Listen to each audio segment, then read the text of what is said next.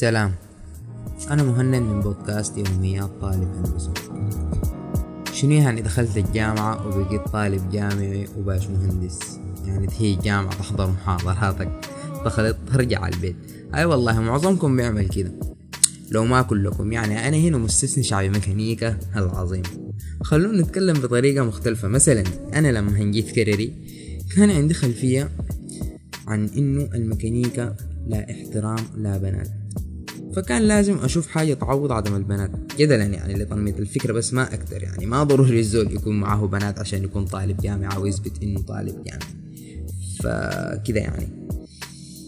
مرة نحن قاعدين في القاعة جونا مجموعة من الشباب قالوا لنا نحن جمعية طلاب الهندسة. عندنا أسبوع مهندس عايزين نعمله. يلا أدونا السهلة بتذكر إني طعمجت فيهم مع أصحابي ولا أدمهم قروش ولا حتى أي حاجة. وكان قلت ديل مالهم موهومين كده. بس ما مرت نص ساعة من طلوعهم من قاعتنا خمستاشر الغاعدة الأساطير. وإلا وأنا بفتش عليهم عشان كان نفسي في معرض أنمي. وفعلا لقيتهم وقلت لهم ها معرض أنمي.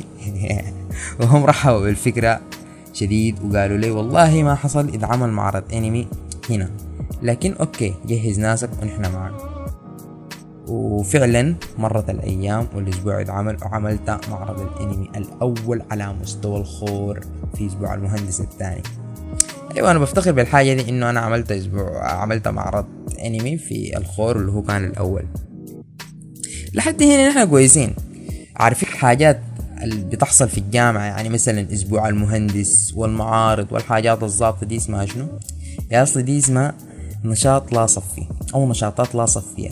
يعني شي كده غير أكاديمي وشي ظابط جدا جدا. بيفرق عليك بيقلل من سوء موقع الجامعة وحتى بيخليك زول اجتماعي. المهم هوي أنا حكيت القصة دي عشان لو شفتوني لافي في القاعات وشايل كرتونة بسكويت رويال وبقول لكم عايزين قروش ما تقولوا الشحادين جو. لأنه بنعرف نشيل منكم القروش كيف.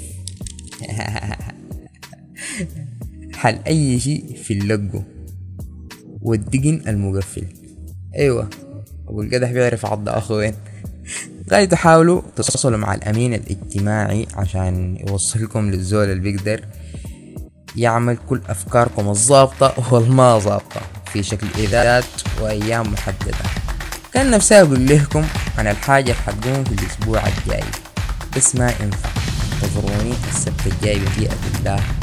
مهند إبراهيم من بودكاست يوميات طالب Salam.